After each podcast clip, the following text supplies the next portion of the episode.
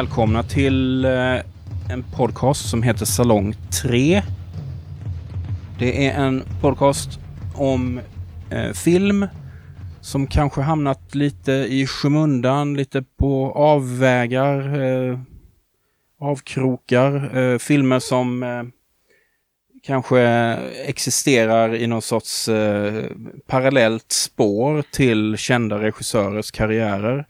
Eller eh, kända skådespelare eller filmer som inte redan är sönderdiskuterade i hundratals andra poddar eller andra fora.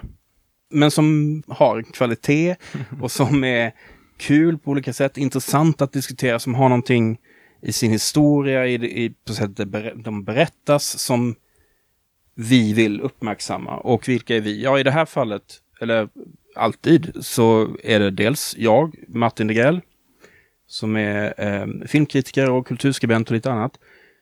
Och idag är jag eh, mycket glad över att ha en gäst som är min gode vän, eh, läser till eh, Mattias Holtz.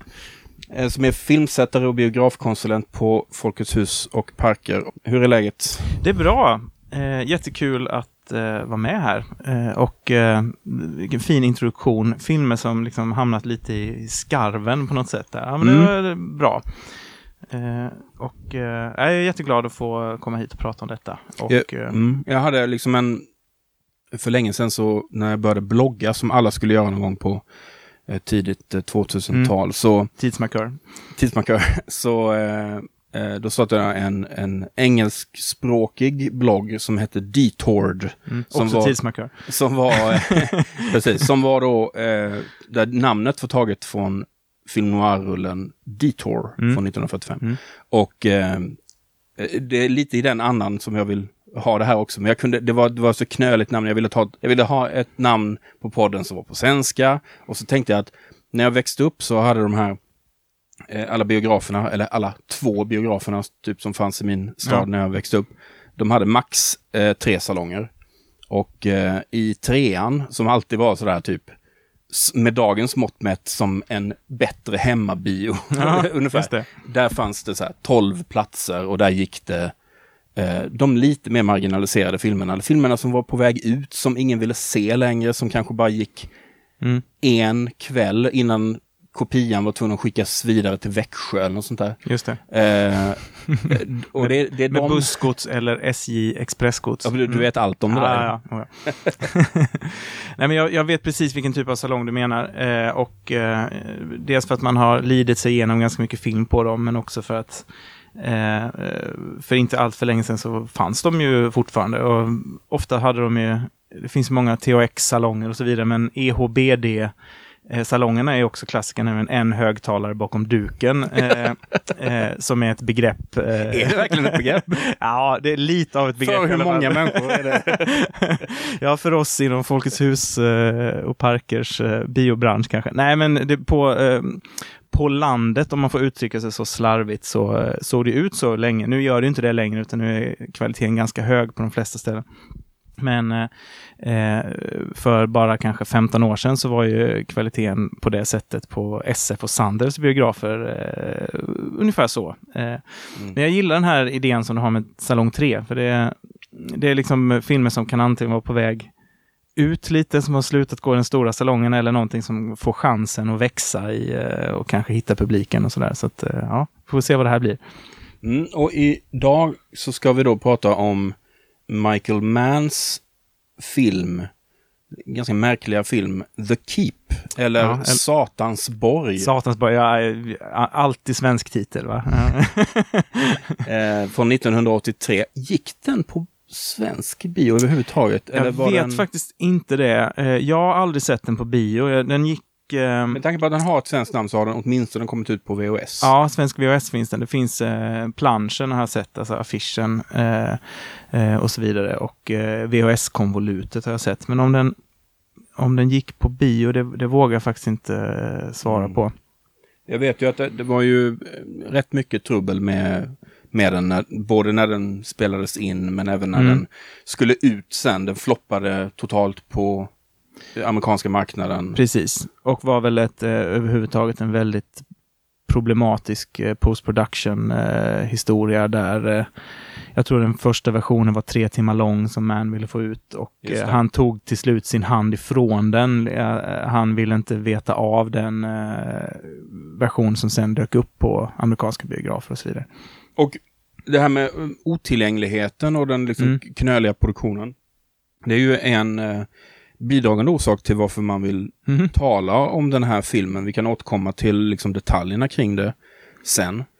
Och jag menar, är man lite så här filmnörd-typen så har man kanske koll på den här filmen i alla fall. Den är Ja. inte superobskyr. Nej. Även om den är obskyr i så, så tillvida att den är fortfarande ganska svår att få tag på. Ja, Den har aldrig getts ut på DVD. den finns på laserdisk. och VHS. Och eh, de enda streamingsajterna som har den, eh, jag vet inte om den finns på YouTube, jag tror möjligen Amazon Mm. Prime. Mm. Men det är lågupplösta versioner Ja. som då är helt... Och, och, gjorts en film som, den. eh, och en film som eh, i eh, väldigt stor del utspelar sig i rök och motljus och röda ljuseffekter är då kanske inte, det är inte jättebra med lågupplösta versioner. Nej, precis. Nu, den versionen vi såg var åtminstone i eh, original aspect. Det var Mm. 2.35.1 tror jag. Precis. Ja. Men jag har sett liksom YouTube, Mm. pan and scan-versioner och sånt där. Så att det är liksom... Och det finns väl också väldigt många olika versioner av den här filmen, med olika slut och olika Mm. liksom, instick Precis. och längder och sånt där. Så att, eh, ja. Men eh, vi inser ju då att den här filmen är ju naturligtvis något som rätt många känner till ändå, men, men med tanke på hur den Dels att den sticker ut i man, mans, mans, i mans eh, Mm. karriär. Det är ju liksom, den liknar ju ingenting annat som han har gjort. Nej, den, just inte. den här, bara det faktum att det är den, mig veterligen, enda filmen i hans övre som eh, har övernaturliga inslag. Ja. Och inte lite heller. Ja. Man undrar ju så här, vad, vad lockade honom till detta? Vad, men, innan vi kommer till det så kanske, Mm. om vi tar det från början, vad är din historia med ja. The Keep? Nej, men jag, jag minns ganska väl hur jag kom i kontakt med den här filmen och det är kanske på ett lite udda vis. Och, och nu blir det också en tidsmarkör för att jag hittade den här via IMDB. eh, och det gjorde jag någon gång strax efter millennieskiftet. Eh, och jag misstänker att eftersom jag är lite av en fantasy-nörd eh, så hittade jag den via någon tråd från eh, första Lord of the Rings-filmen. Eh, och jag antar, ja men antagligen eh, var det för att jag kollade vad Ian McKellen hade gjort förut och hittade långt bak i hans eh, lista den här filmen. Och eh, när jag började titta närmare på den, då kände jag inte till den alls. Jag visste inte vad det var och klickade på den. Och så sen så, när man börjar se bara eh, rabbla upp grejerna som finns på papper eller på IMDB i det här fallet så började ju mitt eh, fantasy-hjärta eh, och, och liksom filmnördhjärta klappa ganska hårt för då har vi liksom regi Michael Mann, vi har casten med Ian McKellen, vi har Gabriel Byrne, vi har Jürgen Prochnov och vi har då en eh, hunkig Scott Glenn då i sin prime, verkligen 83, då var han ju liksom eh, tillbaka i liksom stor form i Hollywood liksom. Och musik av Tangerine Dream. Så att Mm. rent om man liksom använder någon slags positivistisk eh, inställning till eh, film så är det här, det här måste ju vara världens bästa film. Liksom, det var ju så jag kände när jag såg det här. Mm. Och sen- jag har upptäckt någonting. Liksom. Och sen då när man dessutom då tittar på liksom någon sorts kort synopsis, Ja, vad det ja. handlar om, så bara, ja, vad det är ju är liksom det här liksom? demoner, fantasy och nazister. Liksom. Det, man blir så här, eh, det här blir bara bättre och bättre, tänker man då. Och, eh, som, som det står på affischen, they were all drawn to the keep. Och det blev jag också givetvis. Liksom. Jag, jag kan ta, på affischen har det är verkligen så här, lyssna på den här, lyssna på den här klatschiga taglinen. Ja, ja, They were all drawn to the keep, the soldiers who brought death, the father and daughter fighting for life, the people who have always feared it, and the one man who knows its secret. Tonight they will all face the evil. Så det är verkligen en så här snabb och klatschig. Ja, verkligen. Det är inte alls tungrot som resten av filmen. Eller, ja, nej, nu ska vi inte spoila så, men eh, nej, det är ju det, det, det är så många fina ingredienser, men eh, redan där märker man att man har liksom kanske inte riktigt fått ihop helheten eh, alltid. Men den bygger på en bok. Mm. Just det. Du hade någon koll på den boken? Ja, jag har läst den. Du har läst den? Ja, jag, jag måste erkänna att jag har läst den. Eh, det är en bok som är skriven av, nu ska vi se, han heter F. Paul Wilson och är liksom amerikansk eh, genreförfattare, skräck, eh, fantasyförfattare. Och eh, jag tror att det här är del ett i en serie på tre böcker som alla har samma protagonist som vi också möter i filmen då, Scott Glenns karaktär. Ah, okay. det har jag ska låta det vara lite osäkert, men jag, jag, vet att det är en del i en serie som är tematiskt hänger ihop i alla fall. Mm. Eh, jag vet att Michael Mann hade den som ett slags... Eh, han såg den som en inspiration och en sketchbook för sin film. Eh jag tror inte att han hade någon eh, kände någon direkt vördnad inför F. Paul Wilsons konstnärskap, utan eh, kände att han kunde förhålla sig ganska fritt till, eh, till det här. Då.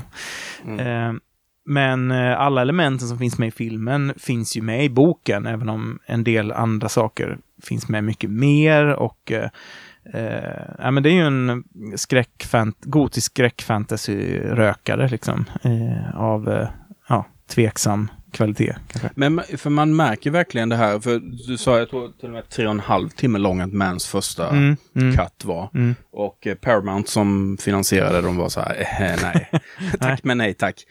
Och då sa de enligt uppgift två timmar liksom. Den får mm. max vara två timmar. Och han klippte ner den till två timmar.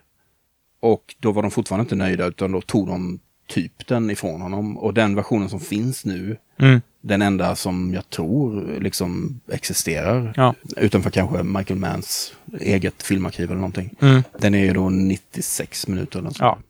Den är liksom... Och ja, man tänker då på det, att de har då klippt bort två timmar. Alltså, ibland kan man se filmer där man känner att ja, men det var bra. Eh, mm. så här, Kill your darlings, bort med grejen, bort med dödköttet så. Men här så har de tycks ändå ha gått fram så pass mycket så att bitvis är ju filmen obegriplig. Ja, den är ju helt obegriplig i ganska många stycken, framförallt mm. plottmässigt. Mm. Eh, den, den saknar ju nästan helt eh, exposition i, eh, i, även i den då studioversionen, vilket ju är anmärkningsvärt. Verkligen. eh, och jag tänkte på det när jag såg den här om dagen att, att eh, det är en sån film som när du läser typ IMDB handlingen mm. eller Wikipedia eller whatever. Då är det jättemycket i den texten som är så här, ja fast det där kommer ju... Om jag bara ser filmen utan att läsa den här texten, kommer jag aldrig fram till det här. Det, det är från, från eh, liksom demonens namn ja. till en massa andra detaljer. Mm. Och det men, märker man också ja. när man ser filmen för att en del namn dyker ju upp på enstaka tillfällen men utan att vara introducerade. Eller att man, eh, det har hänt saker som man eh, i alla fall kanske i sinnesstämningar och i blickar till exempel referera till eller eh, som dramatiskt bygger på något annat som bara är borta. Så det, ja, den är väldigt förvirrande på må många ställen. Vi, vi, vi, vi, hoppar rakt in i det. Ja. Eh, och vi ska säga nu, det kanske ni har förstått ni som lyssnar, att eh, det här blir spoiler-bonanza. Ja. Eh, vi kommer gå igenom... Inga spärrar. Från A till Ö här, vad som händer. Men vi, vi, vi kasta oss ut i um, filmvärlden och mm. i det här fallet så börjar vi någonstans i någon sorts alpliknande, fast inte snö, bergsområde. Mm med Tangerine Dreams då suggestiva musik som du var inne på tidigare. Mm, den, mm. den, den är, snacka om stämningssättare. Ja, liksom. den är fin. Börjar ju väldigt eh, ordinärt kan man säga. Det, det är inga, mm. man, eh, man kastas ju in i en rätt så lättbegriplig handling. Precis, för, för det är en konvoj med lite jeepar och andra så arméfordon. Mm. Och det är rätt tydligt att så här, okej, okay, här har vi ett gäng eh, tyskar, nazister liksom. Ja. Vi ser Jürgen Prochnov mm. först. Mm. Eh, hans ögon, hans fina blå ögon i, i närbild. Det. det här var tydligen hans första Hollywood-rulle efter Das Boot. Alltså Just det, ja. Han fick väl lite Det var ju den som blev hans biljett. Ja, exakt. Han fick en liten eh, chans här då på att eh, spela nazist som tysk skådis. Eh, unikt såklart, men han, eh, han får då inleda med den fantastiska repliken. Your new home. How do you like it? Not very well, sir. Som han säger på ett avmätt, eh, lite så här nästan aristokratiskt avmätt tyskt vis Mm. till sin eh, second in command. Som inte är särskilt road. Liksom. Nej. Eh, Men han är i alla fall kapten Klaus Warman. Mm. Redan här så är det så att han han sluter ögonen lite och så det verkar som att han hör röster. Eller det är någon som... Något, något, något, Ja, det är någonting, Uppfattar mm. du det? Ja, Det- men det, det det, finns någon, eh, någon slags oro eller någon Mm. slags, något, något obehag som eh, sätter sig Precis. direkt. Men de kommer fram till en liten bergsby i alla Mm, fall. mm. Och det ska föreställa Rumänien, men det är inspelat i Wales. Just det. Ja. Dinu Pass, Carpathian Alps, Rumänien, 1941. Så det är alltså det är mitt under kriget. Det är när det går som bäst för Tyskland. Precis. Ehm, De, är- och de är ju då i ett... eh, De är ju en allierat land nu då, eller i alla fall erövrat. eh, Så att Mm. eh, de, de är ju inte... De förväntar sig inte att stöta på patrull här egentligen. Vilket ju också hans eh, kapten blir eh, eh, gnäller lite om. Han skulle ju vilja eh, till ärorika Stalingrad eller liksom Ja, anfalla Moskva och så precis, vidare. han vill tycker att de är en avkrok, här kommer inte hända någonting. Liksom. han, vill, han vill dra till östfronten Exakt. och eh, vara med och inta Moskva, för det är ju nära förestående då, tror han. Yes. Men eh, Prochnov är ju optimistisk. Han säger liksom så här, men det är lugnt, liksom. Kriget kommer snart att vara över och vi kommer, Du kommer ju inte vinna. ens hinna dit. Mm. Precis. Mm. Vi kommer stå som segrare vid Masters of the World. Exakt. Och snacka om famous last words. Mm. Mm. Ehm, men de har kommenderats då att bevaka ett, ett litet bergspass liksom. Ja. Och vad finns i detta bergspass? De är inte så, så, så många heller. Det kanske kan det vara 20-tal, lite oklart. Ja, eller något kanske lite fler, fast man hade kanske inte råd med så många bilar. Nej, de ska nej, nog vara precis. lite fler, tror jag. Men det finns som kanon och de har lite ja, så här lite grejer. olika eh, bilar och lite Men de är inte, soldater. så här, det känns inte som att de, de kommer ju inte så här rustade för strid på det Nej, sättet. Liksom. Men byborna ser ju, eh, ja, de, de är inte så där jätteglada över närvaron, men de ser mer avvaktande ut. Liksom, lite så här, Nej, just okej, det. nu kommer Mm. det här gänget liksom. De tre husen som då finns i byn också. Precis. Som kanske är hela byn, Ja. möjligen. och kyrkan där. ja. Ehm, Mm. Men sen kommer vi till den här... Eh, Till fortet där då. fortet, liksom, Mm. eller borgen, eller Mm. inte, the keep, ja, borg, satans borg är det ju Mm. Mm. i, i den svenska översättningen. Vad satan har att göra med det här, det, det kanske vi kan återkomma till. Ja, det kan vi göra verkligen. Eller är det någon som är så här, satans borg, liksom, de som är förbannade. Åh nej! nu kommer vi till satan, den satansborgen. Satans ja. borg är, är väldigt, väldigt eh, 80-tals VHS-titel. ja, jättefin. Ja. Jag tycker så mycket om det. Mm. Det, det är bra. Hur ser det här ut då? Det, det, det är en ganska bisarr design på det här fortet. Ja, det är liksom så svart, väldigt raka kanter. Eh, väldigt Superkompakt liksom, eh, ser det ut på kompakt, utsidan. Ja, precis. Och liksom nästan som metall eh, eh, nitade stenbumlingar. Supersvart, liksom. Svart, ja precis. Eh, som någon slags nästan eh, vulkansten. Det ser inte alls ut som någonting man hittar i eh, de eh, rumänska alperna om man säger så. Nej, det utan, ser inte eh, ut som en sån här klassiskt alpslott eller Nej. alps, eh, Nej. liksom så här borg på det sättet.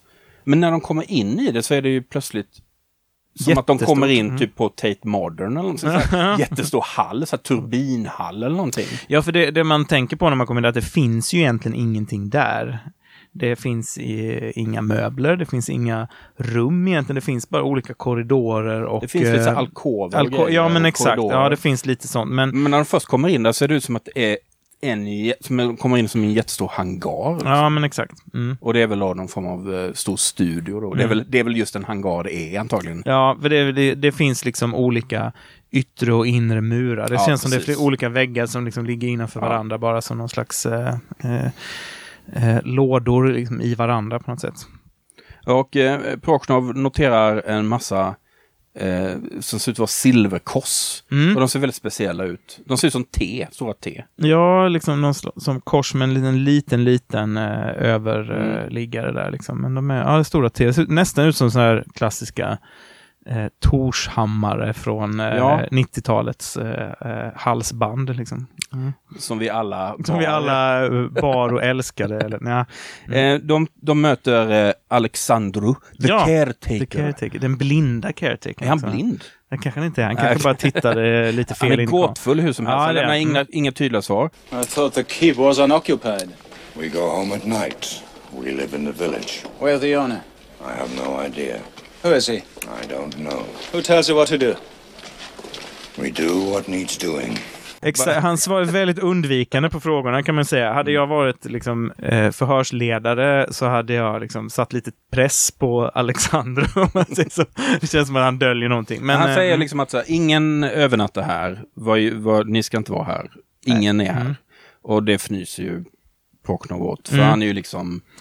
Ja, för han är ju liksom avmätt men också liksom lite så disciplinär och rationell. Eh, Han, Ja. har ju ing- han har ingenting över för... Nej, och samtidigt en, en liksom, han tillhör ju herrefolket så att det Ja, liksom, ja, han har ju liksom inget över för... Han tar ju inga eh, order från någon Nej, nej verkligen inte det, men han har ju heller inget sådär... Eh, han bryr sig ju inte om eh, skrock Nej, det från några, några liksom, eh, inavlade rumänska bönder. Det, det han, står han ju över. Liksom. Men något som förvånar mig var att här, de kör in med alla bilarna där. Ja. Jag trodde så här, jaha, okej, ja, ja, de gör väl det då. Så de dundrar in där med bilar och hela konkurrengen och eh, Ja, parkerar för det är någon slags vallgrav också Ja, utanför som de ändå det kör över den här bron. liksom. Mm, mm. Och, och jag noterade att det är ett typiskt nazibeteende. Att de är så rationella, tror inte på övernaturligheter, respektlösa mot andra kulturer. Ja. Men så Och typiskt soldatbeteende också. Ja. De börjar titta på de här korsen och bara hmm, silver, det finns skatter här vi kan plundra. Precis. Ja. Men, men det Sen- finns ju en nyckelscen där också som är att eh, för eh, Prochnov är ju inte heller, han är inte bara militär, han är också eh, begåvad och belevad. Så att han eh, förstår ju sig på den här konstruktionen som han går omkring i. Exakt. Och säger No, no, no. This is not a fortress. A soldier could walk up the outside wall. Why are the small stones on the outside and the large stones here in the interior? It's constructed backwards. This place was not designed to keep something out. What is this place? Jag tror inte han säger att det, han, han fullföljer inte den Nej. meningen, men underförstått då. då så här, det är, det är designat för att hålla någonting inne snarare än ute då. Mm. Men eh, några av de här soldaterna blir lite ivriga och Mm. börjar så hacka loss de här Ja, men de har långtråkigt och ser, Mm. ser liksom eh, shiny things. Så de börjar, Och Alexandru blir liksom galen över detta och liksom säger Mm. Never touch the crosses. Jo, och där visar ju också... eh, Och han till och med säger, säger liksom skarpt till Prochnov, vilket är... Ja, och han då visar någon slags respekt för eh, hans eh, och eh, mm, liksom skäller på Fritz där, eller vad han heter, som har börjat hacka i eh, väggarna och så. Mm. Så att eh, de, får, eh, de får veta att absolut får ingenting göras med väggarna och det är dessutom inte silver, det är bara nickel. Så ni kan, Ja, just det, de- de vad ska ni med det till? till det. Haha, liksom. Ja. mm. Och här någonstans så, så får vi också en skymt av en person som jag väljer att kalla för Hagrid. Alltså prästen. Ah, ja, Dom DeLuise menar du? Ja, Det var det jag tänkte på. han, ser, han ser ju verkligen ut som Hagrid. Ja, det är bra. Det är mycket bättre. Vi, vi stryker Dom Eh, DeLuise. Men han Hagrid. heter eh, eh, Fader Fonescu. Ja, tydligen. precis. Mm. Och han verkar lite mystisk och han, han, han, det känns som att han vet något och han röker Mm. pipa och sådär. Eh, sen är det snabbt klipp till kvällen Mm. och då eh, är det liksom ganska lugnt, det är natt, det är ett par soldater som står vakt. Mm. Eh, och det är något mystiskt, det är mycket stämning. Det, börjar, det, börjar med, det är mer Tangerine Dream nu och Precis. det börjar framförallt motljus och rök börjar komma. Inte så mycket rök än så Nej, men mo, rök än. motljus i alla fall börjar komma. Det händer något i, i, inne i borgen. Mm. Och jag tänkte så här, ja det spelas musik, det, det är Mm. ljus. Jag tänkte, är det någon som har ett rave liksom eh, på gång? Så den här soldaten, han, han, han är ju så här, han vill ha lite eh, rave. Han är sugen på rumänsk skogsrave. Precis. Så han går djupare in i byggnaden. Han lockas av musiken då. Och så hämtar han en annan soldat så här, hej Fritz, häng med på rave. Mm. Och sen så, de fångar de den här orden då, de bänder ändå loss det här silverkorset. Ja.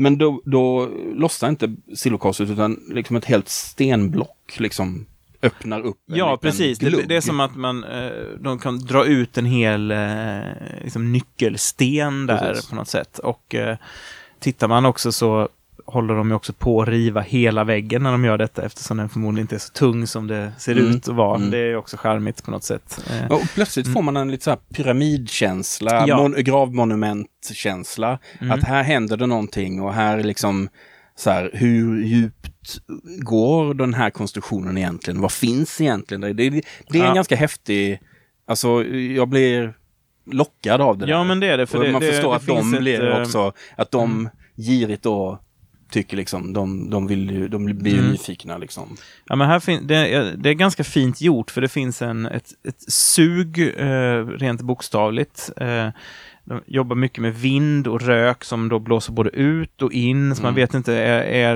är, det det någonting som är på väg eller- ut ja. eller är det någonting som sugs in i det här? Precis. Eh, det verkar vara liksom större på insidan än på utsidan Mm. på något sätt och så Ja. vidare. Så att, eh, Och de, de, de här två eh, tyskarna, de, de klättrar ju in i ja, det nu här. har de ju bara skatt Ja. och mer silver.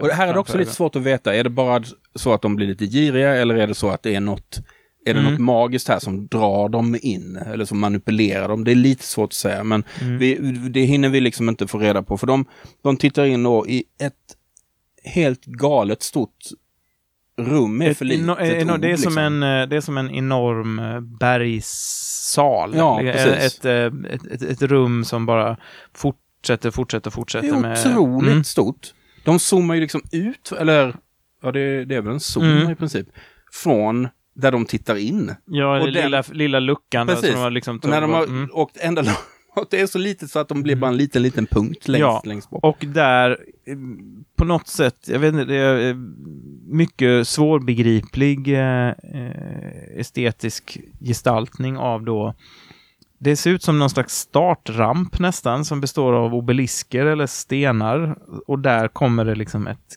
grönt ljus som helt plötsligt... Ja, det är eh, nästan, jag fick. Stonehenge-vibbar liksom. Det är Ja. så här, eh, ja, och, och, obelisker som står i någon formation av något slag. Exakt. Mm. Det är väldigt oklart vad det är. Det är Mm. allting är väldigt mörkt och så. Mm. Sen kommer det en flash liksom och sen så, ja just det, det är en av soldaterna som tittar in Mm. och han är liksom, han är på ett rep. Just det, den, och den andra Håller- eh, håller honom i en livrem eller något Och, sånt så, där. ja, och Mm. plötsligt så Mm. börjar det så här klassiskt eh, skräckfilmsmanér. Någonting händer med Mm, honom där mm. på andra sidan repet. Och så att eh, stackars Fritz nummer två då, han, han får liksom rycka i det här och, och han lyckas till slut få ut honom. Och då är det typ så här en halv kropp. Ja, han är halv då helt plötsligt. Mm. Han är superdöd. Just det, vilket påminner mig om att det enda eh, tydliga som eh, The Caretaker sa var att här har ingen dött. Säger han ju också i början. Eh, eh, vilket ju då eh, någon har gjort nu, kan man säga. Det, det är, Nu har det hänt något. Nej, nu har det hänt något. Nu har någon dött. Det känns som att det är något, eh, de har brutit något sigill eller någonting. Det känns som att, Ja. och återigen den här kopplingen till gravmonument, pyramid, förbannelse. Så här, you had to do it, deep. liksom. Ja, Mm. precis. Nu, nu, nu gick ni över gränsen här i alla Mm. fall. Men det blir i alla fall slarvsylta även av den andra soldaten. Ja, precis. Ja. Han eh, kastas liksom med någon, någon form av tryckvåg, vind och blir liksom som en... Jag menar, han blir som ett tomt skal nästan och liksom kastas mot väggen. Eh, någonting suger ut hela, eh, hela livssylten eh, ur honom. Liksom. Och vid det här laget så har ju de övriga soldaterna kommit hit och jag gillar hur att de börjar, börjar skjuta. Så här, hej. Ja, precis. Mm. de har inga... Just det, skjut på det grönskimrande Ja, ljuset. det, det finns ett i, litet eh, ljusfenomen. Ja. Mm. Men sen blir det ett, ett superbryskt klipp till Mm. två bilstrålkastare. Nej, det är två ögon som Ja! lyser. Och det är då vår hjälte, Ja, Glaken. Glaken ja. Som Mm. jag bara tänker på Simpsons. Uh, Glaken. Eller, alltså jag vet inte om man, om man någonsin får reda på det i filmen, men enligt rollistan och så vidare så är det då Glaken Trismegistus. Mm, just det. Och det är ju... Och det är då Scott Glenn. Och det är Scott Glenn. Han, eh, det är ju inte bara den här, eh, ja det är uppenbart då, det är ju inte bara den här någonting, ljuset som har slaktat de tyska soldaterna som har vaknat, utan även något annat vaknar ju i samma ögonblick. Han känner en uh, disturbance in the force. Exakt.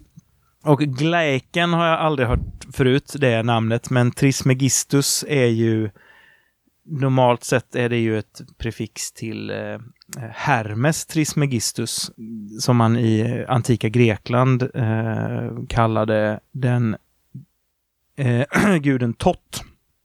Mm. Som sen då blev, eh, ja precis, Mm. och som sen då man i Grekland eh, förknippade med Hermes. Ah. Och eh, som då, det betyder den trefaldigt eh, helig eller den trefaldigt eh, vise eller något sånt där. Mm. Och då som eh, enligt legenden ska ha skrivit eh, Corpus Hermeticum, som är då den här skrifterna som eh, den hermetiska traditionen helt enkelt vilar på då, som är liksom, anses vara någon slags eh, arv från det gamla Egypten, om man tror på, liksom, som då ska förklara den så, att säga, magi som fanns i det gamla Egypten och som sen då i viss mån fanns kvar i antiken, men som då idag är bortglömt om man inte typ hittar, du vet, eh, proportionerna i Salomos tempel eller liknande sådär. Så Mm. att, eh, där har ju F. Eh, Paul Wilson eh, grävt i den, eh, den mylla som finns. Liksom. Så att, eh, det, det finns, men just Gleiken som förnamn där, det, den, eh, den, eh, den, har jag ingen, den har jag inget på. Han, något magiskt är det ju med Ja, honom. det är det verkligen. Mm. Så pass mycket så att han lämnar sin solsemester på Kreta, eller vad han nu är någonstans. Exakt, Han, han har vaknar ju- upp i något, så här, något fiskeläger. Ja, han har ju chillat i Kykladerna typ och bara, nej nu måste jag till Rumänien. Precis, och han drar till Rumänien med en fiskebåt. Och eh, rumänsk kusten når man inte via från Grekland med fiskebåt kan jag säga. Men det är... Jag vet inte hur han tar sig dit faktiskt. Men han är ju lite magisk. Då, Ja, ja, han, eh, ja. han vet vad han gör. Men nu, och nu kommer det liksom... Han ger väl typ en, eh, någon så här, eh, i den scenen ger han inte typ en guldpeng till någon, eh, typ Han- som Pippi Långstrump liksom när hon ska betala eh, ur kappsäcken liksom bara Ja. okej nu kör vi, tar vi båten Precis. här.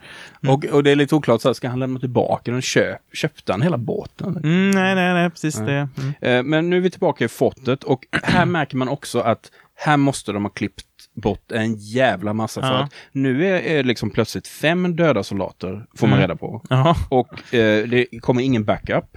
Nej. Och man märker att Prochnov har liksom gått igenom, alltså han måste ha haft ett antal scener som där Ja, för han har ju hunnit skärrad. skicka meddelanden till någon slags stab och fått reda på att nej, du får inte åka härifrån. Du får Jo, men inte han, man märker att Mm, han är mm. mer och mer skärrad. Mm. Och, han är, och nu är han liksom helt desperat. Och, Ja. de, och det är ingenting som vi som tittare fattar. Liksom, Oj, hur har det eskalerat så här snabbt? Mm. Men plötsligt så dyker det ju faktiskt upp ett nytt kompani. Ja, Och som innan de ens hinner stanna bilarna börjar så spöa upp byborna. Ja, ja, ja. Folk Ja. och sånt. Ja, och men vi det har- är då Sturmbannführer Erik Kempfer, ja, Gabriel Byrne ja. Som- SS. Ja, han är ju, eh, han är ju född att spela sadistisk SS-officer, verkligen. Han gör ju den rollen helt fantastisk. Och det är ju också, det är så härligt att ha snäll nazist, dum nazist. Att man behöver den distinktionen i en film här. Men här är det väldigt tydligt. Det är intressant också måste det vara när man spelar in det att den tyske skådespelaren Prochnov, han är liksom på något sätt ändå den snälla nazisten i slutändan. Den humane nazisten. Ja. Medan Gabriel Byrne får bara gå loss och vara så här mega sadist. Exakt. Och det är också väldigt roligt för att han kom ju där med sin eh, SS-frisyr och sin SS-uniform och sin liksom, SS-attityd och så rullar han nästan in på en leksakstanks. Den är jätteliten Det är den här tanksen som han typ står i också så här och Som rullar över. torn liksom. Ja, precis. ja, det, den, är, den är inte så imponerande. men, han, eh, men han gör sitt bästa genom att så här, han skjuter väl ihjäl tre partisaner då som man säger, för han, Mm. han förstår ju att den här eh, veke armémannen, eh, Vårman, han har ju liksom låtit eh, bönder och partisaner mörda sina egna män utan att kunna eh, ingjuta tillräckligt mycket respekt och skräck i, eh, i dem. Så att han ska ju styra upp det här lite snabbt. Och eh, det är klassiska bad guy-logik. Sådär att eh, för varje soldat som dödas av de oövernaturliga krafterna så kommer vi att döda x antal bybor. Ja, precis. Ja, ja. Mm. ja men rimligt. Eh, demonerna tillhör liksom obviously motståndsrörelsen. Ja, är du inte med oss så är du mot oss. så att, Jag tänkte åter få återgå till det här att eh, det är så uppenbart att det har försvunnit tid liksom eh, där vi inte har- där vi inte får se hur Prochnov blir mer och mer Ja. knäpp. För nu är han ju nu ska han ju nästan föreställa att vara på så här Lovecraft-galen precis. nivå. Mm. Ja, men bra, eh, bra iakttagelse. Jag har också, tänkte också på att det förklaras ju inte heller varför Eh, visst, tyska armén och de är eh, disciplin, disciplin och så vidare, men det är ju, de bara dör hela tiden på olika sätt. Eh, och deras eh, befälhavare har liksom inga svar och inget eh, mot det, men det är ingen som flyr, ingen som ställer jobbiga frågor till, eh, till befälhavarna, utan eh, de bara är där. De, de, Ja, de verkar bara vara där och bli Mm. plockade en efter en. de har ändå sett konstiga ljuset och den halva eh, liksom, Mm. soldatkamraten liksom, och så vidare. Men sett då till Burns perspektiv så är det liksom att han kommer dit, Mm. De har blivit så här bergstokiga. Ja. Prochnov pratar om det finns en okänd kraft här i borgen och ser helt galen ut. Liksom. Ja, det. Mm. det är klart att han tänker då att här behöver vi styra upp och det gör vi med fruktan. Mm, liksom. mm. Det gamla beprövade. eh, mm. Hur som helst så hittar de eh, lite graffiti där på en, på en vägg. Just det. Som de inte har sett tidigare. Mm. Och eh, Burn vill, han vill genast veta vad som står där. Varför, du, liksom, varför nu det skulle vara så Ja, viktigt för honom. ja, ja. Det är typ det första han säger när de går in där. Men den går inte att tyda den.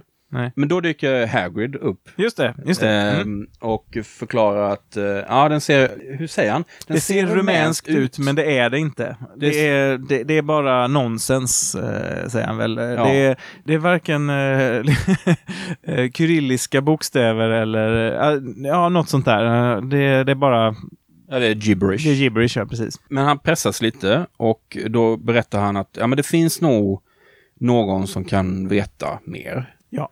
Och det är en Dr. Kuza Dr. Kuza. Mm. som är en professor som kommer från trakten eller som... Han är från ja. byn också. Ja. Mm. Men eh, honom vet, de, vet han inte vad de är, för han är, som han själv uttrycker det, på det stället där ni har valt att skicka alla judarna. För han är nämligen en judisk professor. Precis. Eh, och då hoppar vi snabbt igen till... Det blir, Ja, um, oerhört snabbt ja, det, det är Ja. supersnabba hopp här. Jag har hela tiden det här i bakgrunden att så här, vi går från tre och en halv timme till en och en halv timme. Här är väl en det- av de grejerna när man märker det tydligast, Ja. jag vilja säga. Och då befinner vi oss i ett koncentrationsläger någonstans. Det är väldigt oklart var. Mm. Jag tror inte vi får några skyltar. Där Dr. Kusa, som spelas av Ian McKellen, Ja. och hans dotter Eva, som spelas av Alberta Watson, Mm. med... eh, hade vi inte vetat tidigare att den här filmen är inspelad 1983, så det är bara att se på hennes hår. ja. Så det, det är en av mina favorit, det är inget, inte ens ett klagomål, men en av mina favoritgrejer med historiska filmer är att du kan nästan alltid se när de är gjorda ändå. Mm. För eh, du kan ha en film från 1972 som utspelar sig på 1600-talet, men folk går ändå omkring klädda, eller så här, har så här Rolling Stones-frisyr, Ja. så här hippie. ja.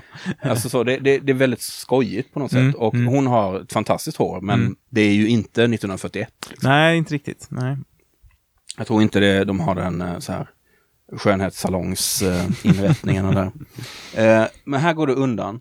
De, Men- de är i princip i det här och sitter och väntar på någon slags eh, transport till ett koncentrationsläger. Just det, det verkar som att de är någon sorts mellanting. Ska de iväg och dödas liksom? Eller Eller ska- på väg någon annanstans? Ja. Och- Och, nästa scen så är de typ framför Ja. graffitit. Precis. ja, Och då- nu. Får vi ju då tänka att de har... Varför nu Gabriel Byrne skulle gå med på att... Ja, men jag går med på att vi skickar efter den här gamle juden Mm. för att tyda de här runorna. Varför? Vad är hans motivation till det? Varför, varför har han övertalats till att ja, men det, här, är- det här är en bra idé? Nej, det den, eh, Hela den den processen logiken är svår att, eh, svår att Men av. McKellen då, som ju, det här är för övrigt hans, också hans första Hollywoodfilm, precis Mm. som Portnoy. Mm. Han är ju drygt 40 här, Ja, men just nu ser han ut som 75 plus. just det. Och då Mm. tänker man så här, hmm, vad- händer här liksom? Han sitter i rullstol. I rullstol och har eh, reu reumatism Precis. och eh, allt möjligt. Och eh, sjukdomen har uppenbarligen också satt sig på hans eh, accent Jag och tänkte dialekt. precis säga det. Han har ju en jättekonstig eh, amerikansk dialekt. Ja, han låter nästan som både, han har liksom någon slags eh, ålderssmink runt munnen som gör att han får eh, väldigt sådär eh, rynkig och lite så. Och, men det gör att han låter ju i princip som eh, någon, eh, som, som en här polis i en eh, film som utspelar sig, en vit polis i den amerikanska södern under segregationstiden som tuggar jättemycket tuggtobak. Ja, eller, eller jag skulle vilja gå ännu längre tillbaka. Han låter som nästan som eh, från någon gangsterfilm från 30-40-talet. Ja, ja. Eller Mm, sådär. mm. Han låter ju han låter ju avgjort amerikansk. Ja, jätte, jätte Och eh, då kanske vi kan säga någonting om rent generellt i filmen om accenterna eller dialekterna. För det är ju all over the place. Ja. Den enda som ju liksom inte behöver göra så mycket är ju Prochnov för han, Mm. han är tysk och han ska ha tysk brytning. Ja. Men Gabriel Byrne, han... Jag vet inte hur han låter Jag riktigt. inte riktigt Det- ingenting som sticker ut. Men, men jag menar, folk kommer från hela världen tycks det som. Mm. Men det konstigaste är McKellen, alltså vad, vad, han, vad är hans val där? För uppenbarligen är det så här, ja, det här är en rumänsk jude som växer upp på 20-30-talet i en bergsby. Ja. Kanske flyttar till en lite större stad någonstans i Europa och sen Mm. Utbildad på, på universitetet i Bukarest. Och så pratar han Mm. som att han liksom sköter en bowlinghall på Lower East Side liksom på 30-talet. Ja. Ja, hur som helst, nu står han där i alla fall och eh, säger att runorna säger What does it mean? Can you understand it? Well, The former is in the imperative. It says, I will be free. Ja, men, ma- ja, precis. Michael Mann har väl liksom helt enkelt konstaterat att han låter inte som han kommer från Chicago. Alltså låter han... Eh, alltså är det bra. Liksom. Just det, för Michael Mann är ju, eh, han älskar Chicago. Mm. Han har alltid med sig en massa Chicago-aktörer i, i Mm. alla sina filmer. Mm. Och har ju själv en väldigt utpräglad eh, Chicago-drawl. Liksom. Mm. Och plockar gärna upp folk som typ har varit gamla poliser och Ja. sådär. Dennis Farina Mm, är ju mm. bästa exemplet. Precis. Men hur som helst, de här runorna säger Ja. bland annat I will be free. Mm. Och då eh, Burns reaktion direkt är så här, ah, partisaner. Ja, exakt. Han får svar på det han ville ha eh, bekräftat. heter. Men Mm. Chief fick han, för det är nämligen skrivet på ett språk som har varit dött i 500 100 år. Ja, precis.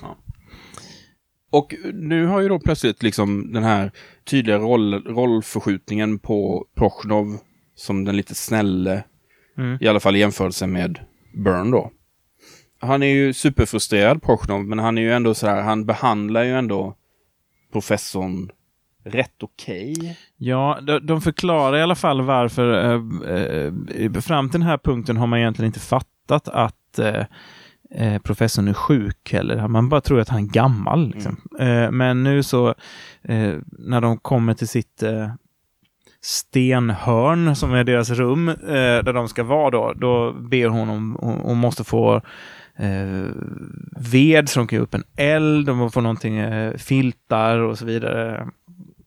Och eh, eh blir såklart då utskrattad, så här, ha ha ha, trodde vi slösade ved på dig. Men eh, hon säger, min, min pappa är sjuk, han, eh, hur gammal tror ni att han är? Tror ni han är 68? Nej, han är 40 eh, någonting. Så här, det, det här är hans sjukdom. Han, Och jag räknar på det att då skulle, om han är 40 så skulle då, eh, för McKellen är 40 drygt här Mm. när de spelar in den. ja, just det, är han är född 39. Mm, okej, så han är ja, drygt 43, 44. Och hon, dottern då, jag räknade på det, jag tog- kom fram till att han, han har nog fått den dottern när han var 15 då.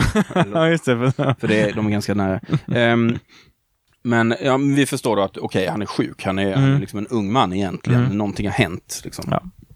Samtidigt så, ehm, så ser vi hur Glaken Mm, anländer till trakten ja, på sin MC, likt någon Marlon Brando. verkligen. Och använder sina jedi mind tricks på... någonting. Verkligen. eh, Sina på, eh, mystiska blå ögon. Ja. På eh, några eh, gräns, Mm. en gränspostering då när, när han blir ifrågasatt där. Och han, Scott Glenn ser ju ut som han alltid gör, det vill säga obestämbart. Så här, han är någonstans mellan så här, 35 och 65 år gammal. Så här, alltså, superdeffad, och så här, Ja. supersenig och bara så här... Ett, så, Ja, ett väldigt- fenomen. mm, Ja, väldigt speciell eh, look liksom. Och här har ni också någon helt obeskrivlig perukfrisyr som Mm. är eh, ja, som är svår att definiera lite. Den ser ut som den alltid sitter lite snett och typ eh, över ena örat fast ändå jättekort och så vidare. Ja, men den är också... Mm. Han är då jämngammal med McKellen för övrigt. Ja, just det. Tillbaka i borgen så ser vi hur eh, Eva då, dottern, hon vandrar omkring där på natten, måste det vara. Det är alltid natt där på något sätt. Eh, hon blir i alla fall, man känner direkt att så här, whoops, det här, det här är inte bra. Hon går nämligen till så här, typ matsalen eller vad man ska säga, kantinen eller någonting. Just det, för hon får ju, Prochnov säger ju till henne att hon kan hämta käk i eh, mässen. Liksom. Och eh, där finns det ju då jättemycket soldater. Och eh, man märker direkt att hon blir ju liksom någon sorts villebråd här. Verkligen. Mm. Men när hon har varit där så överfalls hon mycket riktigt också av två soldater. Just det. Som väl, kan man väl säga, inleder en våldtäkt. Ja, precis. Det är ju det. Det är i alla fall deras intention. Det är Ja. det de börjar med. Liksom. De De, kommer- håller fast henne, sliter av henne kläderna. Precis. Och, De kommer inte eh, så hemskt långt dock, Nej. för de dödas. De dödas. Av det Mm. här v- väsendet.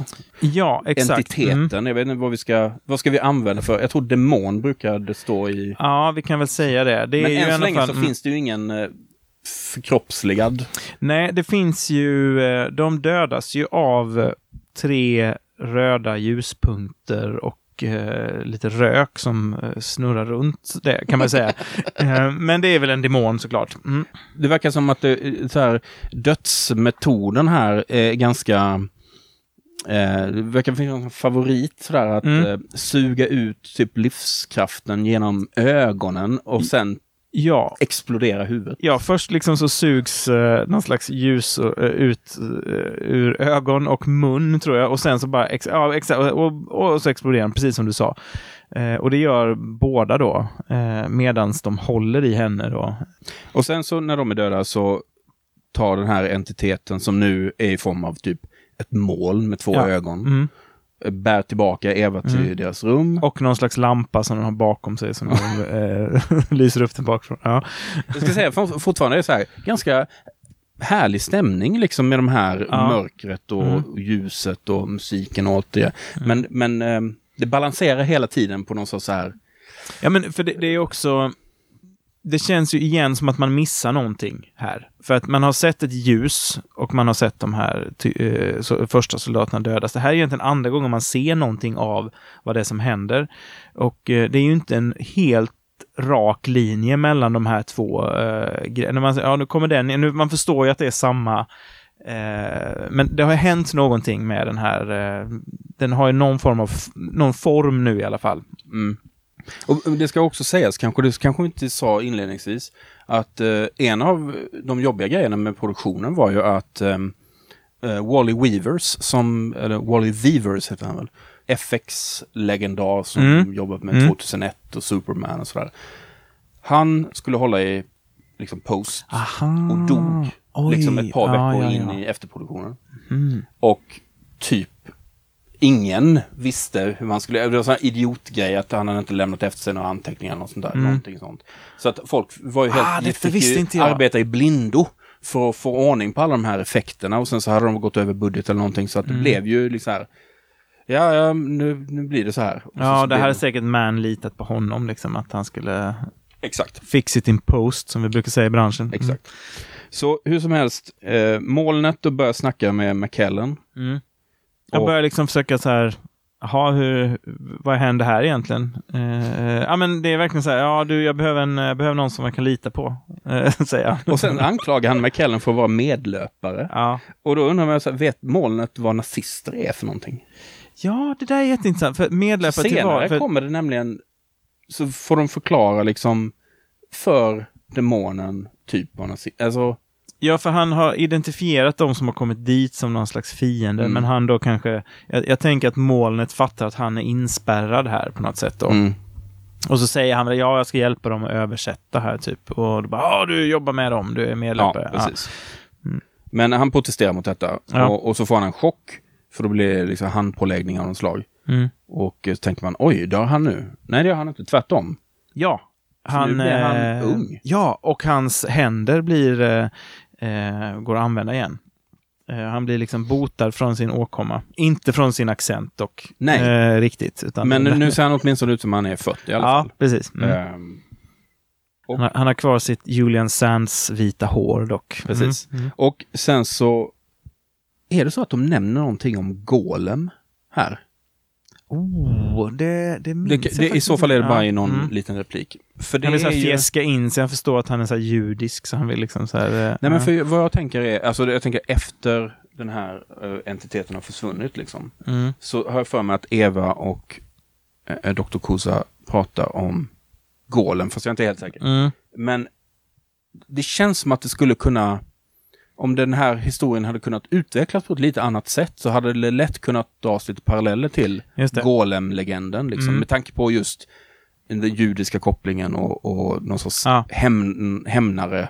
Verkligen. Det hade kunnat då, eh, ja, så som det utvecklar sig då med Dr. Kusa och hans, eh, att han hjälper det här väsendet, så hade det ju varit en intressant parallell. Jag vet ju att i boken så finns det ju väldigt mycket paralleller. De är ju i Rumänien, de är i Alperna, de är i, ja, hej och hå, Draculaland. Det finns ju väldigt mycket vampyrreferenser som finns i boken och de vet jag att Man var helt ointresserad av, tyckte det var ospännande och gjorts förut. Det här, han ville göra, göra något helt unikt.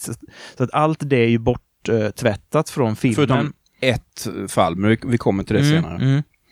Eh, Men nu försöker i alla fall eh, Proknov eh, evakuera professorn och dottern från borgen. Just det. Jag, jag vet inte riktigt, är det för att han vill skydda dem eller? Ja, men jag tror det. Han vill ju skydda eh, framförallt henne. Eh, och, eh, men han tycker att nej, men det, ni kan inte vara kvar här längre. Det, det är vansinne att vara kvar här. Mm. Men de blir ertappas av Burn. Mm. Ingen säger ett ord om att McKellen nu ser typ 35 år yngre ut än han gjorde för ett par timmar sedan. är Och liksom där, och där gamar ju eh, Dr. Kusa eh, Gabriel Byrne då. Eh, för att han, eh, han vill ju inte bara stanna kvar i fortet, utan han tycker också det är en jättebra idé att eh, eh, dottern försvinner därifrån. För då kan han ju liksom fortsätta sitt hemliga eh, samarbete med eh, den eh, superbraiga rökmonstret som precis har gett honom sin här, hälsa tillbaka. Mm. Så att han, han säger, jag förbjuder att eh, hon eh, går till, eh, att hon går härifrån och till byn. Och då säger ju såklart Gabriel Byrne att du förbjuder ingenting, du bestämmer att det här, hon ska bort härifrån. Precis, så hon slängs ut. Ja. Liksom. Och McKellen ger Proknov ett krucifix. Mm. Som han har fått av Hagrid. Exakt. Eh, och där får de också ha en liten, ja men de får dela en liten fin, eh, fin stund tillsammans där eh, eh, Prochnov, eh, just det, där Dr. Kuso berättar att han också haft en son. Som sagt, han började tidigt eh, på barn. Eh, som då är död, som dog i det spanska, eh, Ja. dog i Spanien. Eh, och, bondar lite över... Ja, och då, då säger ju Prochnov att ja, eh, hade vi mötts då så hade vi varit på samma sida mot fascisterna i eh, Spanien och så vidare. Så att han liksom eh, förklarar att han då egentligen inte är han är en soldat och en, en plikttrogen man, men han är ingen nazist då, vill han ju säga. Varpå han får då en, det här krucifixet av, Mm. eh, av Dr. Kosa. För att han också är en, hur är han uttrycker det? Du är också en human man som kan behöva det. här. Mm. Eh, Eva hamnar på värdshuset där hon möter Glaken. Yes. Som har tagit hennes rum. Och han har ingen spegelbild. Nej, precis. Så där har vi vampyr. Där har vi vampyrgrejen. Ja. Och han verkar ju ha en fantastisk övertalningsförmåga för att eh, Ja, ju- han mm. befinner sig i det enda rummet som är ledigt. Och det ska hon ha. Mm. Och han bara, Och just då, Hagrid Han- bara, vad gör du här? Det, ju, det här är ju hennes rum. precis. Bara, Och då så är det så här jedi mind tricks. Så går hon med på det. Mm. Och inte nog med det. De börjar så här hångla. Ja, direkt också. De, eller de, de klipper direkt från att de träffas till att de sitter på en fin liten kulle. Och sen så blir det jätteknullig stämning direkt. Och sen så är det ett, en lång så här, drömlik eh, sexscen mellan, eh, mellan, eh, mellan dem. Mellan Glaken och Eva. Men ska vi stanna upp lite vid Scott Glenn? Ja, Alltså, gärna. han är ju, han är ju som sagt ett fenomen. Men vad säger du om hans spelstil? För att han är ju liksom, jag blir liksom inte riktigt klok på honom. Jag tycker han är, det finns något otroligt liksom attraktivt och mystiskt kring Ja. honom. Samtidigt så är han ju nästan lika uttryckslös som typ Chuck Norris. Liksom. ja. Nej, vad han, är det som gör, för det är någonting med honom ändå ju. Ni menar the strong silent type? Ja men Mm. det är snack om urtypen för det. Ja. ja. Dels så eh, kan man ju tycka att han, eh, om, man, om man tittar rent allmänt på honom, tycker jag han har ju en eh, eh, han, har, han är kanske lite begränsad i sina skådespelartalanger, måste man ändå säga. Han kan ju inte spela alla typer av roller. Men han har ju någon form av charm. Men den jobbar han ju väldigt mycket mot i den här eh, filmen. Jag får känslan av att han jobbar fått liksom eh, reda på av eh, sin regissör att han är en typ eh, 3000 år gammal eh, eh, liksom ädel eh, riddare för god, i godhetens tjänst. Och så försöker han bära den värdigheten bakom sitt något så här eh, uttryckslösa ansikte. Eh, det är en, eh, en, en idé som li, är lika god som någon annan. Nej men eh, verkligen. Men det är, han har något speciellt. Nej, men han är ju helt apart i den här filmen för att eh, alla andra har ju man är rädd, man är upphetsad, man är upprörd, man är liksom snarstucken. Eller, han, han kommer ju in och är liksom helt nollställd i alla, alla lägen så att säga. Även om han påverkar allting runt omkring honom då. Och han svarar ju undflyende på typ alla frågor. Mm. Här, Where do you come from? I'm a traveler. I'm a tra- Okej, tack så mycket. Liksom, vad ska vi göra med det här liksom? Ja. Han, ver- han verkar ju i alla fall besitta lite magiska han är mystisk. Han är Han är mystisk. Han har den attraktionskraften. Han är en mystisk främling. Mm. Ehm, vi, nu ska vi se, var är vi någonstans? Jo, men vi är tillbaka i borgen. Mm. Det är mycket f- fram och tillbaka här, men McKellen då, eh, Dr. Kusa, han, han liksom backar in i demonen Ja. på så klassiskt skräckfilmsmanér. ja. Alltså han verkar vara lite orolig, så backar han, backar, backar och naturligtvis backar han rakt in i demonen som nu har en mer konkret kroppslig form. Ja. Eh, inte mycket större än en vanlig människa, men ser typ ut som typ en bodybuilder fast utan hud. Ja, det känns som blodådror och, Och- och eh, muskler. muskler. och... eh, Som en sån här mm. medicinsk docka där man ska Mm. se hur musklerna funkar i kroppen. Alltså den typen av... Ja. Ja. Och nu så pratar den här demonen Mm, om My People. just det. Och det är inte riktigt självklart för mig vilka det är. Nej. Nej, det, nu, blir det, nu blir det väldigt... eh, Nu blir det lite nu, nu märker man igen det här hur det är klippt. För Mm. det, det känns igen som att det här är ett försök till någon slags eh, förklara eh, vilka personerna är, vad de vill och så vidare. Men jag vet att i boken så ägnas ju otroligt mycket tid åt dialog mellan Dr. Kusa och eh, Molasar, som han heter då. eh, Som aldrig sägs i filmen. Nej. Och där finns ju också... Där är det en jättestor grej att det finns Molasar och Rassalom. Hej hej, två helt olika personer. Fast vänta nu. Efter man så vänder- 200 sidor så avslöjas det, vänta lite, om man vänder det, det är ju samma person, då måste han ju vara ondskef... Ja, och så vidare. Eh, Det, det har de ju också... Eh, Ja, det är, ja verkligen. Raffinerat. Nej, men så det finns ju väldigt mycket och där lär ju då eh, eh, Dr. Kusa honom om omvärlden, och om Hitler och om eh, vad som händer runt omkring Aha. och så vidare. Så det är där han får liksom kontexten till Ja, och då, kan där. han, och då kan han liksom säga, ja men då ska jag döda Hitler eh, så att eh, det här slutar och så vidare. Han utlovar förgörelse Ja, mm. och så. Men han behöver hjälp. Han behöver hjälp. För att det finns en talisman som måste plockas bort, eller för, föras bort från... Det måste borgen. föregå honom eh, för att han ska kunna träda ut i Ja, världen på och då. Han ber då Dr. Kus om hjälp. Mm. För han kan inte göra det själv. Ja. Det, är det, som, det är det sista som håller honom tillbaka på något Mm. sätt. Mm. Han, är verk, han kan liksom vara och springa, springa runt och döda soldater i borgen, men han kan inte ta sig ut. Liksom. Nej, precis. Han måste, han måste bli hel igen eller något sånt där uttryckande. Mm. Och nu är det återigen ett sånt här märkligt eh, hopp till där det, där det är uppenbart att det har varit en process där vi har fått se folk i byn Ja, påverkas av den här, så utsipprande kraften. just det. Just det. det. På, också på det här Lovecraft-sättet. Där Exakt. folk börjar bli lite beknäppa. Ja, och, och det sprids också längre och längre ut. Ja. Det, är inte längre, det är inte längre bara eh, borgen som påverkas, de som är där, utan även det som Precis. är runt omkring. För att nu så eh, klipper vi liksom till en scen där Hagrid står och bråkar med eh, Dr. Kusa Just om det. den här kraften i borgen. Och det är så konstigt för att det man känner så här, har, vänta nu, har, han, har Hagrid blivit galen? Och det här vansinnet som liksom sänker sig över den här... Mm.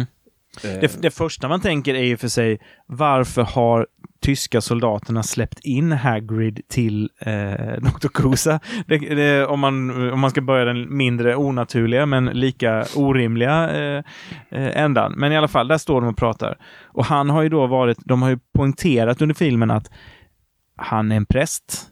Dr. Kusa är en eh, judisk eh, eh, intellektuell med, eh, och han är en bypräst, men de har respekt för varandra. De, han har gett, eh, kan bär det här mm, krucifixet. Mm. Eh, Det kan, jag ber dig som en vän att du har det. Jag vet att det inte betyder något för dig, men jag skulle känna mig skulle, bättre till mods.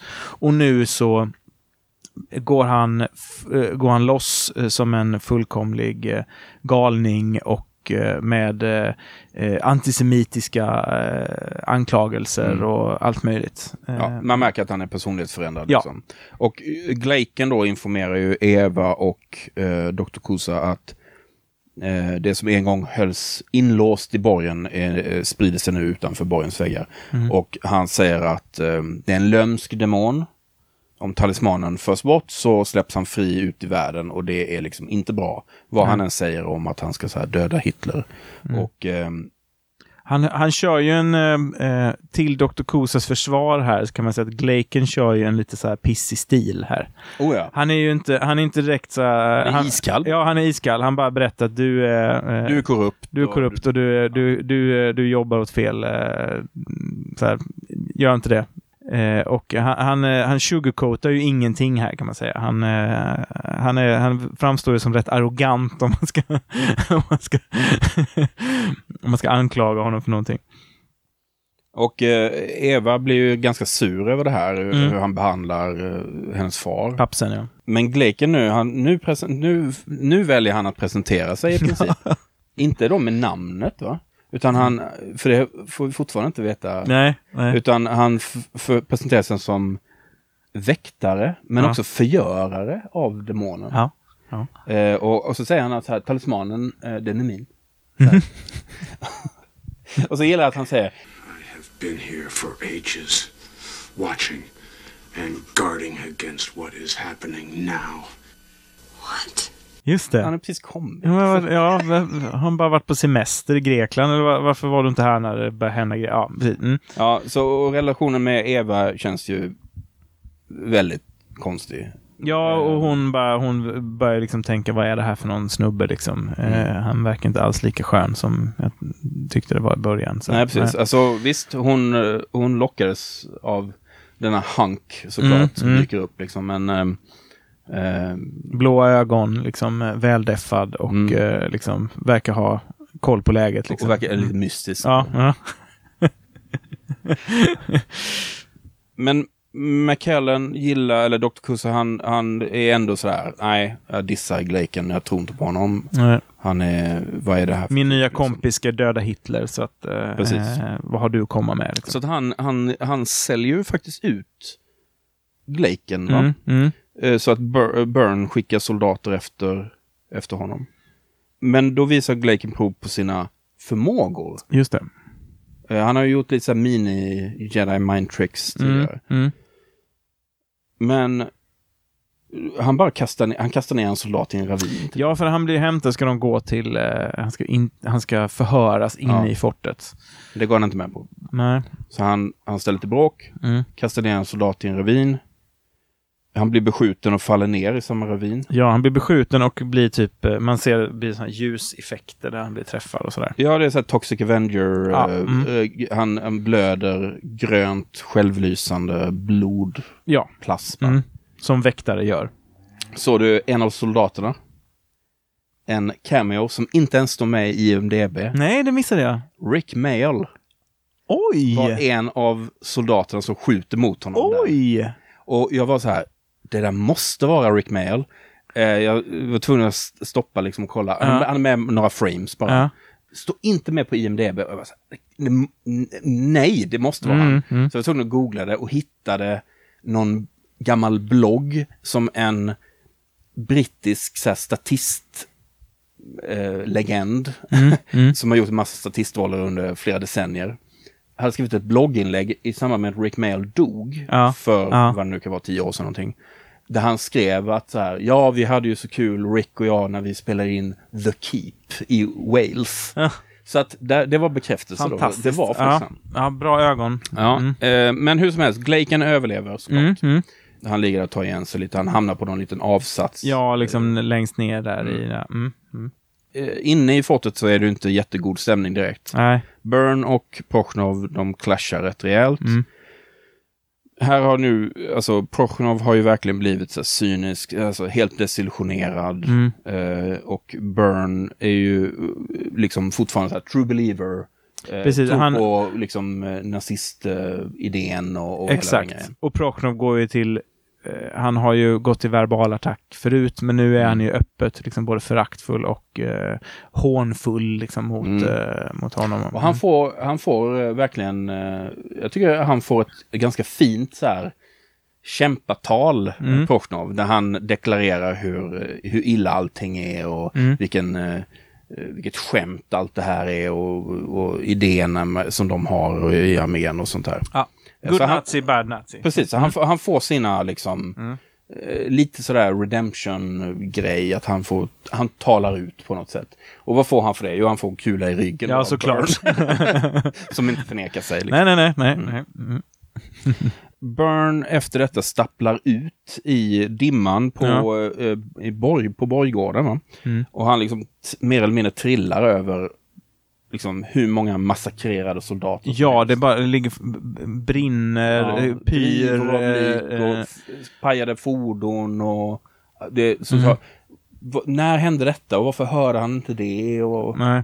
ja. nej, men det är alla är döda. Liksom. Det är bara Ja. han kvar helt Mm. enkelt. Eh, och eh, nu gör han samma sak som eh, McKellen då. Han backar in Ja. i demonen. ja. Som nu ser ganska töntig ut tycker jag. Han ser ut som en alien av något slag. Ja. Innan tyckte jag han såg rätt cool ut när han var den här hu- hudlösa bodybuilden. Ja, för nu ser han eh, ut som en eh, liksom bodybuilder med någon slags eh, ställning på sig bara. Alltså, mm, ja.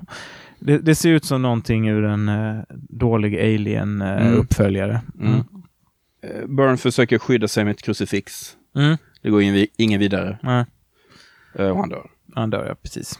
Samtidigt så hämtar McKellen talismanen, han hittar den Mm. i det här innanmätet i Ja. borgen. Rätt fin scen. Rätt Mm. snyggt eh, faktiskt med eh, eh, ja, men man får känsla av att här är det en, helig plats där det här är. Han hittar, eh, ja, han hittar den. Mm. Och han är på väg att liksom ta bort den och liksom gå ut med den från borgen. Eh, när han stoppas av Eva som säger att gör inte detta, du är, du är liksom, du har eh, lurats. Mm. Eh, och så. Det, det, vad säger vi om hennes ingrepp här? För att jag menar, å ena sidan, Mm. hennes liksom nya kille, The Stud, som kommer och liksom är väldigt övertygande och, Ja. och så. Berättar att hennes pappa är superkorrupt och så här. Mm. Har hon egentligen haft nå- fått några bevis för det överhuvudtaget? Utan det är Nej, bara... men Det är svårt att se varför hon har ändrat uppfattning från nu, eh, från när hon försvarade sin pappa till att hon nu eh, eh, eh, berättar för honom att han har gjort fel. Det, eh, vad är bevisen? Han, eh, hon har sett sin nya kille blivit nedskjuten och ramlat ner i en vallgrav. Men eh, det betyder, behöver inte betyda att han hade rätt. så att det, det, är lite svårt här igen att förstå hur, eh, vad som får henne då att gå, gå emot sin far och liksom eh, verkligen eh, men, eh, men det, det, det, drivs ju verkligen till sin spets, eh, det, här, det här bråket. De, eh, Ganska snabbt också. Mm, ja. Det är ju inte så att demonen är supersmidig i sina så här övertalnings manipuleringsförmågor. För han säger då så här, ja men döda henne då, ja. säger han till Dr. Kusa. Döda din dotter. Ja, och då, då står han med eh, talismanen i handen, han, han hänger liksom över henne. Och eh, här, det här är ju de smaskigaste scenerna i filmen skulle jag vilja säga. Det är mm. jättesnygga scener på eh, hennes 80-talshår som ligger ut, eh, utsläppt eh, över, eh, eh, över marken här och hans eh, galna, Dr. Kusas galna min där han står liksom redo att och här döda sitt vi oss, barn. Liksom. Här befinner vi oss också i någon sorts miljö som är det skulle kunna vara i, i, i någon sorts det finns inga väggar någonstans. Det är, liksom det är som en stenöken. Ja, det är som att det, är stort öppet. Det som dödade soldaterna har också så att säga, pulveriserat hela den här platsen. På något mm. sätt. Även eh, väggar och golv och allting är liksom bara sten, grus och sten. Mm. Men, men, eh, men, hur som helst så, eh, alltså Dr. Kusa vägrar ju. Han hiar sig. Tack och lov, mm. eh, får man väl säga. Mm. Eh, och demonen, mycket besviken, gör honom sjuk igen. Så att nu blir han så här gammal gubbe igen. Exakt. Och han eh, säger, ja men om du är så stor och mäktig så ta den då och gå härifrån själv. Liksom. Det, du ska bevisa dig för mig. Så, mm. Mm. Samtidigt så ser vi hur Glaken plockar fram sin typ lasersvärd slash ficklampa kombo. Ja, som han har liksom burit med sig i ja, sin... Eh, han har alltså en jättefin ask. Det var det enda han tog med sig, ja precis. Mm. Ser ut som en stor svärds Eh, alltså han har ju rätt mycket den, vad ska vi säga, stilen som någon sorts samuraj som kommer Exakt. dragandes med sin MC och på mm. bagage, eh, som bagage har han typ med sig en liten ryggsäck och typ ett stort så stort, som ser ut som ett svärdsetui av mm. något slag. Det skulle kunna vara eh, det brutna svärdet ur eh, eh, Hero till exempel, eller något liknande. Eh, och eh, så plockar han... Bara att det ser ut som mer som en byggnadsställning. Men han gängar ihop det i alla fall. Och det med, blir... med talismanen ja, som han ja. plockar upp liksom, eh, framför näsan på eh, Rassalom eller Molasar eller vad vi nu vill kalla honom. Och sen kommer en mäktig fight, eller gör det? Nej, det gör det inte. För Nej, det, den, den, den, den, är över oerhört snabbt. Glaken... Vi, eh, vi, vi, glömmer nu en väldigt viktig sak. Okej. Okay. Och det är ju att eh, det är ju inte bara eh, monstret, demonen, eh, rökmonstret eh, som har eh, förändrats fysiskt här, utan även eh, Glaken har ju, när han så att säga kommer tillbaka upp eh, från att bli nedskjuten och tillba eh, tillbaka igen, så är ju även han förändrad. Han har jätte jättestor hals som, som är så här, eh, prosthetics som, eh, och muskler. Han är jätte bred just över halsen, jätte så här, axelbred och... Eh, eh, De hade kanske bara råd att göra honom så här krallig på överdelen. Ja, och, och liksom på något sätt hans frisyr är ännu liksom så här uh, mer stubbig på något så konstigt sätt och uh, ögonen uh, och ansiktet ser liksom lite så här, det är påbyggt liksom på något sätt. Han, han ser lite överjordisk ut nu helt enkelt på ett mm. annat sätt än han mm. gjorde innan.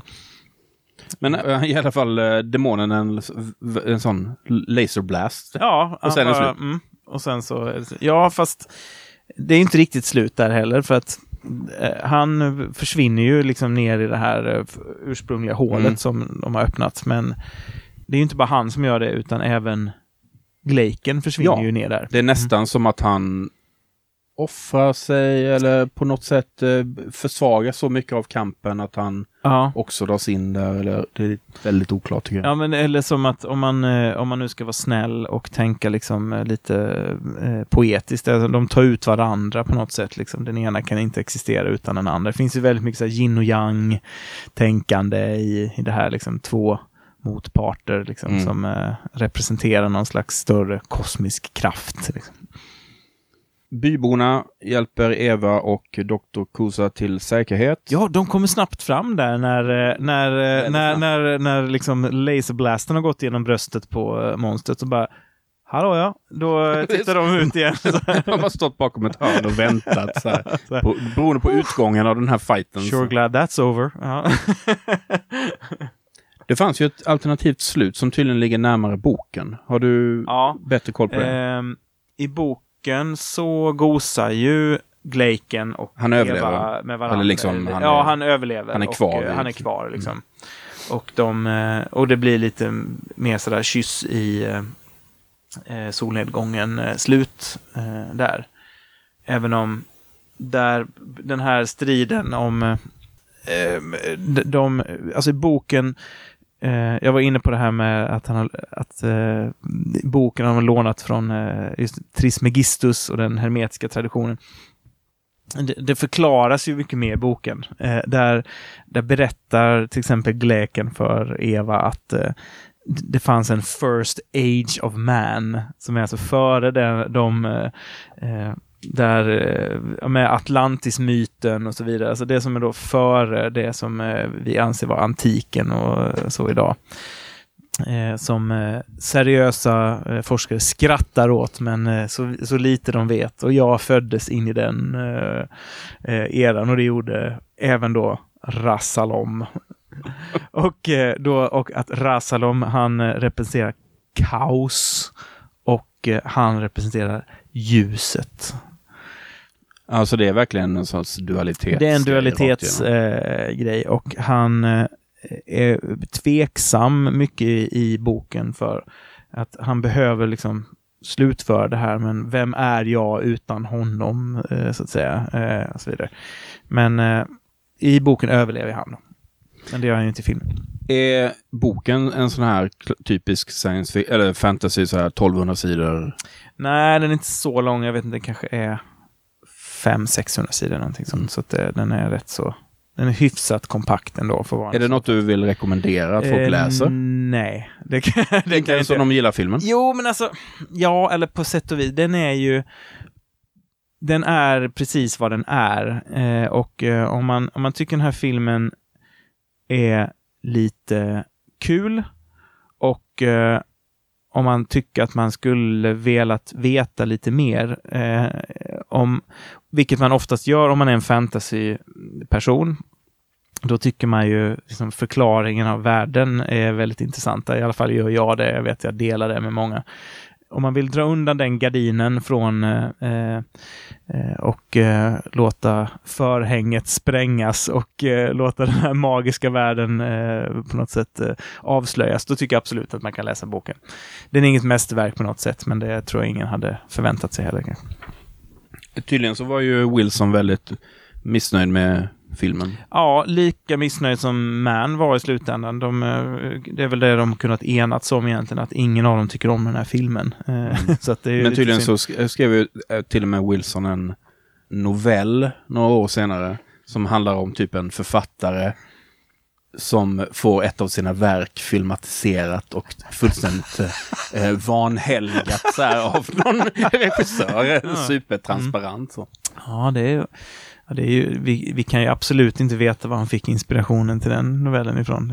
Vi kommer ju nog, alltså folk har ju spekulerat länge om det här men frågan är om vi någonsin kommer att få en, en ordentlig release av den här filmen. Mm, mm.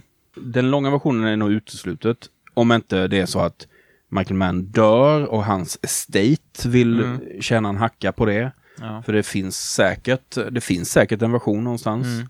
Men han har ju uttryckligen sagt nej. Nej, När- han när- vill ju inte ens prata om den här filmen. Nej, Eh, precis. Och grejen är att när den här filmen kom ut, då hade ju han, han kände sig så bränd av eh, nästan filmbranschen. Ja. Han hade gjort tre, eller det här var hans tredje film, men det, det, det, The Jericho Mile som var en tv-film Mm. först. Och sen Thief 81 och sen då The Keep 83. Sen gör han väl inte film på ganska Nej, länge, utan precis, han, han, har ju men- tv, tillbaka Precis, till för, tv. för grejen är att så fort, eh, alltså när, redan när den kommer ut, när Keep kommer ut och floppar och allt det där, Mm. då har han redan gått vidare till Miami Vice. Ja. Och är helt uppslukad av det. Så då Mm. är han bara så här, cut my losses, skit i det. Mm. Och sen dess har inte han velat prata om den här filmen överhuvudtaget. Det, fi- det finns en rolig intervju från eh, eh, 1983 eller 1984. Det ligger precis, den här filmen är inspelad, den är klar men har inte släppts än. Den ligger på YouTube, man kan hitta den. Där han pratar om filmen. Eh, det är en 20 minuter lång eh, tv-intervju. Där han förklarar vad han hade för målsättningar med filmen och så vidare. Det är liksom innan han där, där är han fortfarande liksom så här, ja det här är min film, det här har jag försökt göra. Eh, så han är, inte, han är inte kritisk mot sig själv och filmen än då. Men han tycker det är mycket roligare att prata om tv. Även i den intervjun. Större delen av intervjun handlar om um, hur man skriver för tv och vad man gör. Och han pratar också väldigt mycket om att nej men jag kom in, halkade in på ett bananskal. Liksom. Jag, uh, jag bara hamnade på en kurs på universitetet så, där man kunde få så här credits for watching films. Liksom. Innan det hade jag inte brytt mig om att göra film. Så det, det är ganska intressant att se, för där, redan där är han i huvudet i tv-världen igen. Han, tycker, han, han säger saker som att det, den bästa, det enda, sättet man kan, enda stället man kan skriva riktigt bra manus eh, är för, för, för polisserier. Det är det enda stället som man tillåts skriva riktigt bra, eh, bra manus. Och det är ju intressant för att han, det här är hans eget manus, det är hans eget projekt. Han har precis gjort det och han är, man märker att han är bränd där redan. Mm, Liksom. Han, eh, det här var ingen rolig upplevelse. Liksom. Nej. Men eh, tack och lov för oss, alla oss, är ju att han kommer ju tack och lov tillbaka till, Mm. till filmen sen. Ja, men precis.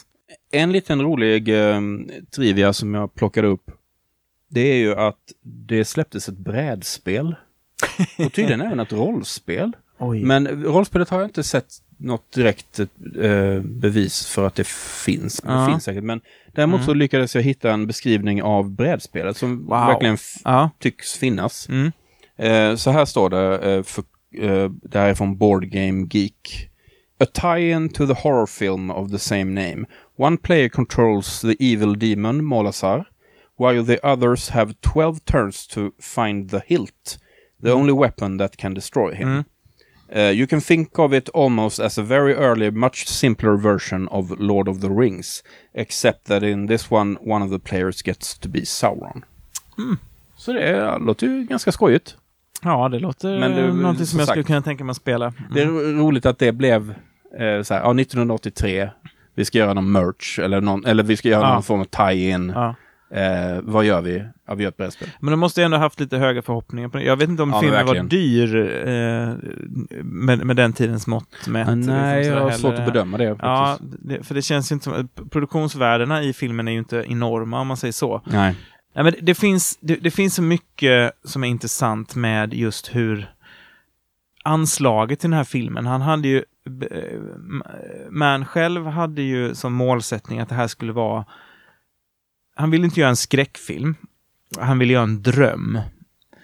Det, det är hans egna ord för liksom vad han var ute efter. Att han, var, han ville liksom på något sätt eh, eh, han säger själv att han inte vill förklara för mycket, för i en eh, i skräckfilmer ska man alltid förklara allting, säger han. Men i en, Mm. i en dröm så får man, eh, eh, det händer bara saker och man hamnar i ett tillstånd. Han, han beskriver liksom att han, jag, jag vill att man ska, när man har sett den här filmen ska man hamna i tillståndet som man bara kanske blir någon gång varannan, var tredje månad när man antingen haft en eh, wet dream eller en eh, mardröm.